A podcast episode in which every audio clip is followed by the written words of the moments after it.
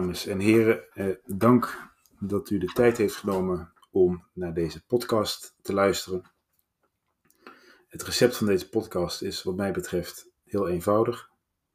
Binnen 10 minuten, een kwartier, eh, bespreek ik met u een onderwerp op het gebied van het vervoerrecht, dan wel het verzekeringsrecht. Eh, dat scherpt mijn geest en hopelijk scherpt het ook uw geest. Vandaag wil ik het hebben over het onderwerp Fear of Loss. Dat is een onderwerp wat speelt in het uh, vervoerrecht. En uh, specifiek wil ik het vandaag hebben over jurisprudentie, uh, die ziet over dit onderwerp uit het wegvervoer. Waar gaat het over? Stel, u vervoert levensmiddelen. En die levensmiddelen eh, die komen aan op een eh, bestemming. En er blijkt iets met die levensmiddelen aan de hand te zijn. Dan zal al snel de reactie zijn dat deze levensmiddelen of worden vernietigd of worden verkocht als diervoeder. Maar in ieder geval dat de eigenaar van de levensmiddelen, de zogenaamde ladingbelanghebbende, eh, schade leidt omdat er iets mis is met zijn of haar levensmiddelen. De vraag doet zich dan voor of dat deze schade die is ontstaan, of dat die kan worden verhaald op de vervoerder. Uh, in de jurisprudentie is daar uh, niet een eenduidig antwoord op. En ik wil drie visies van de jurisprudentie met u uh, bespreken. Aan de ene kant zijn er uitspraken waar de beperkte opvatting wordt aangehangen.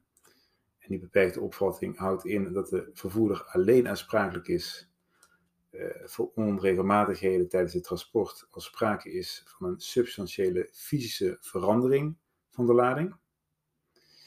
Uh, een voorbeeld van zo'n uitspraak is te vinden in de zogenaamde Danone-zaak.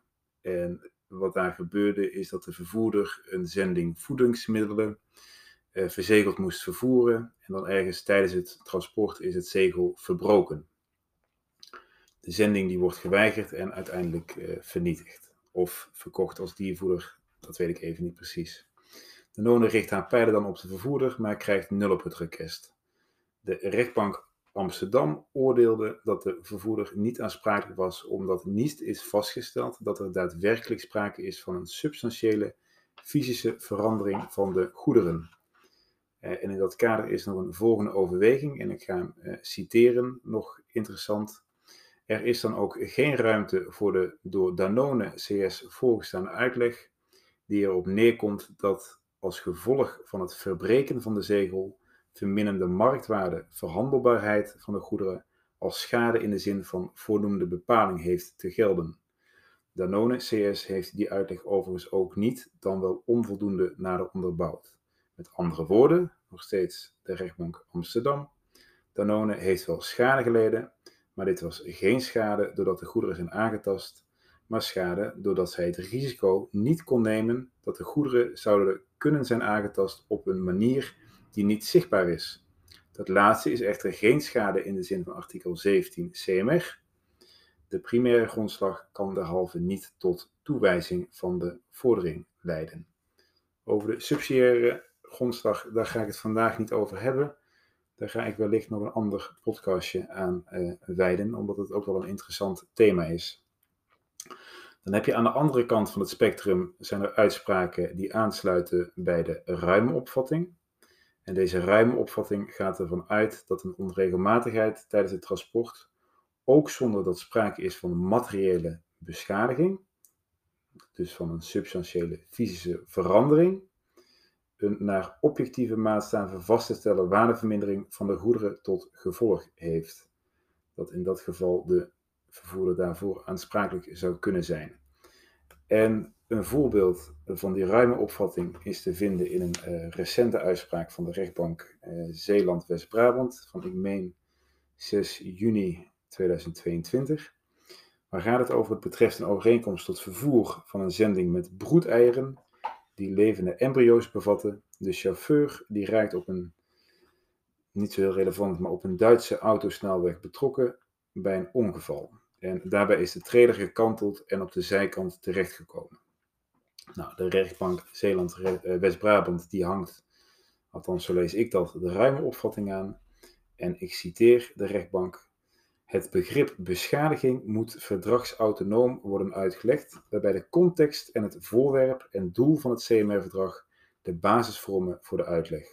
Artikel 17, lid 1 CMR herbergt een resultaatsverbintenis van de vervoerder en geeft daarmee ook bescherming voor ladingbelanghebbenden. In voorkomende gevallen kan aangeknoopt worden bij het begrip substantiële fysische verandering, maar dat is geen strikt vereiste. Dus hier zie je, dit zijn mijn woorden, dat de rechtbank afwijkt van de, uh, van de strikte leer zoals de rechtbank Amsterdam, in ieder geval toen in de uitspraak Danone aanhing. En ik ga verder met het citaat van de rechtbank Zeeland-West-Brabant. Als op basis van de concrete feiten en omstandigheden van het geval komt vast te staan dat goederen als gevolg van een incident onderweg niet langer bruikbaar zijn, kan ook sprake zijn van beschadiging in de zin van artikel 17 lid 1 CMR. Deze uitleg is in lijn met het hiervoor genoemde doel en strekking van artikel 17 lid 1 CMR-verdrag. Um, dus dat is meer de ruime leer. En ik had het net over de rechtbank West-Brabant. Nu hebben we ook een rechtbank Oost-Brabant. Die hangt in mijn optiek ook de ruime leer aan. Uh, uit een uitspraak in 2021. En wat was daar het geval? Het betrof een vervoer van zoetwaren. Waarbij vermoedelijk tijdens een stop verstekelingen zijn binnengedrongen. Die verstekelingen hebben onder andere hun behoefte daar gedaan. En de ladingbelanghebbende die vernietigt de gehele lading. Een deel van de lading was niet aangetast en over dit deel van de lading kon niet worden gezegd dat er sprake was van een substantiële fysische verandering. De vervoerder krijgt toch de deksel op de neus. En dit is een lang citaat Ehm, van de rechtbank Oost-Brabant. Uh, ik ga het toch met u delen. Aangezien een aanzienlijk deel van de lading, minstens een zesde deel daarvan, fysiek is aangetast, en gezien het feit dat 14 verstekelingen geruime tijd in de laadruimte hebben verbleven, op dozen hebben gezeten en gelopen, een deel van de lading hebben opgegeten, afval, etenswaren in de wagen hebben achtergelaten en een behoefte in de laadruimte hebben gedaan, in een aanmerking genomen de constateringen die D meer specifiek heeft gedaan, verandert de omstandigheid dat een aantal pallets dozen feitelijk niet aangetast, besmet of verontreinigd was, niet dat de gehele zending onverkoopbaar is geworden en dus alleen nog een destructiewaarde vertegenwoordigde. Volstrekt aannemelijk is dat de zending, ook het onbeschadigde feitelijk niet besmette of verontreinigde deel daarvan, geen waarde meer vertegenwoordigt, omdat bij bekendheid met de omstandigheden van dit geval afnemers niet meer bereid zouden zijn geweest die goederen af te nemen ten behoeve van de verkoop van menselijke consumptie. En dan komt nog een interessante aanvulling. Althans vind ik in aanmerking genomen dat er Europees strenge voedselveiligheidsvoorschriften gelden. Daarbij is niet doorslaggevend of die voedselveiligheidsvoorschriften in het specifieke geval al dan niet verplichten tot vernietiging van de gehele lading. De rechtbank concludeert dan ook dat de waarde van de lading niet hoger lag dan de destructiewaarde en dat de waardevermindering van de lading dus gelijk was aan de factuurwaarde daarvan minus de destructiewaarde. Uh, interessant is dus dat ook al is het duidelijk dat een deel van de lading niet is aangetast, dat de rechtbank Oost-Brabant toch zegt dat de vervoerder daarvoor moet opdraaien. Uh, als je dat vergelijkt met de rechtbank Amsterdam, dus die de strenge leer aanhoudt, is dat een interessante uh, ontwikkeling. Uh, en heeft het volgens mij ook nog wel een interessant gevolg waar ik dadelijk op kom. En ik kom daarop nadat ik nog de uh, middenweg heb besproken. En zoals Vincent Hofman in een artikel in het tijdschrift Vervoer en Recht uit 2022. Uh, eh, het noemt de redelijke verdenkingbenadering. Uh, en volgens mij is de volgende uitspraak van het Hof Arnhem-Leeuwarden daar een voorbeeld van. En het gaat om smarties die in dozen zitten. Eh, bij aankomst blijkt dat er vliegen op het krimfolie zitten. De lading die wordt vernietigd of verkocht als vervoer en de ladingbelanghebbende vordert de schade bij de vervoerder. En dan overweegt het Hof Arnhem-Leeuwarden als volgt. Niet is vastgesteld dat er vliegen in direct contact zijn gekomen met de dragees. ging over smarties. Dat een vlieg zijn weg heeft gevonden door een kier in een van de bovenste dozen en vervolgens ook nog eens een opening heeft gevonden in de dichtgevouwen plastic zak in die doos, is niet concreet door Sweet Life gesteld en ook niet te bewijzen aangeboden. Dat de kans erop reëel is, is niet door Sweet Life onderbouwd. Sweet Life heeft wel gesteld dat een microbiologische besmetting ook door de lucht heeft plaatsgevonden, maar heeft niet verder uitgewerkt dat daarop in dit geval een gereden kans bestond. Uit deze overweging maak ik op dat er als er een reële kans is geweest dat er een vlieg zijn weg heeft gevonden door een kier in een van de bovenste dozen, de vervoerder, plat gezegd, het bokje zou zijn.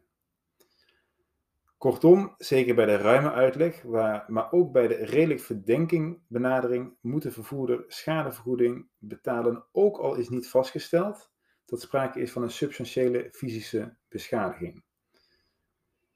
Um, en ik wil niet zeggen dat ik nou de uitkomst nou zo opmerkelijk vind of dat ik daar volledig tegen ben. Uh, maar het is wel de vraag of met name de ruime uitleg, hè, zoals de rechtbank Oost-Brabant met name aanhoudt, wel in lijn is met het begrip schade als bedoeld in het CMR. Eh, over het algemeen is de gedachte toch dat sprake moet zijn van een fysische aantasting uh, van de lading. De rechtbank die zegt wel dat haar uitleg uh, in lijn is met het bedoelde genoemde doel en de strekking van artikel 17 lid 1 CMR-verdrag? Ja, dat is nog maar zeer de vraag, omdat over het algemeen in de jurisprudentie, ook in het buitenland en ook in de literatuur, eerder wordt vastgehouden aan de strenge leer zoals de rechtbank Amsterdam deze aanhoudt. een ander punt van aandacht vind ik dat de rechtbanken en niet alleen de rechtbank Oost-Brabant, maar volgens mij heb ik ook een uitspraak gelezen van een andere rechtbank, expliciet wijst naar Europese richtlijnen. Dat vind ik een lastige, omdat niet alle verdragsstaten bij het CMR-verdrag ook EU-verdragsstaat zijn. Uh, er zijn uh, staten die ver buiten de EU liggen. En het is maar de vraag of dat je dan mag en kan verwijzen naar Europese richtlijnen. Omdat je dat in strijd volgens mij zou kunnen zijn met de uniforme uitleg van het CMR-verdrag. Ik moet zeggen, ik heb het argument nog niet voorbij zien komen in de jurisprudentie.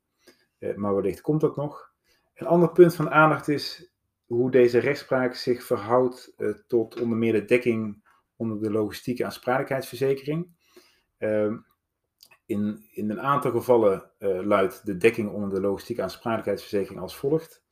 De verzekering dekt de aansprakelijkheid voor materiële schade, waaronder te verstaan beschadiging, vernietiging of het verloren gaan van zaken van anderen dan de verzekeringnemer of de aansprakelijke verzekerde, etc. etc. etc. En als je dan kijkt wat moet worden verstaan onder het begrip materiële schade, en we kijken even, uh, doen even leentje buren bij de karverzekering, dan wordt daar bedoeld een objectieve aantasting van de stoffelijke structuur die naar verkeersopvattingen de stoffelijke gaafheid van de zaak kenmerkt. Dus je zou hier ook kunnen zeggen dat er sprake moet zijn van een substantiële fysische verandering uh, van het goed. Uh, en als dat zo is, als je het zo zou moeten uitleggen, zou dat kunnen betekenen dat, als je dat dan weer uh, legt op de uitspraak van de rechtbank Oost-Brabant, waarin expliciet wordt gezegd, ja, ook al uh, staat vast dat een deel van de pelletsdozen niet is aangetast, de vervoerder alsnog aansprakelijk is, dat hij wellicht de deksel op de neus krijgt bij haar logistieke aansprakelijkheidsverzekering, omdat die wellicht zal roepen, ja, er is hier geen sprake van materiële schade. Uh, dat was het voor uh, vandaag. Um, Mocht u nog vragen hebben of opmerkingen hebben, of ik op sommige punten te snel ben gegaan of iets anders, laat het me absoluut weten. Je kunt mij bereiken uh, via het e-mailadres flip.fliplegal.nl Dank voor uw aandacht.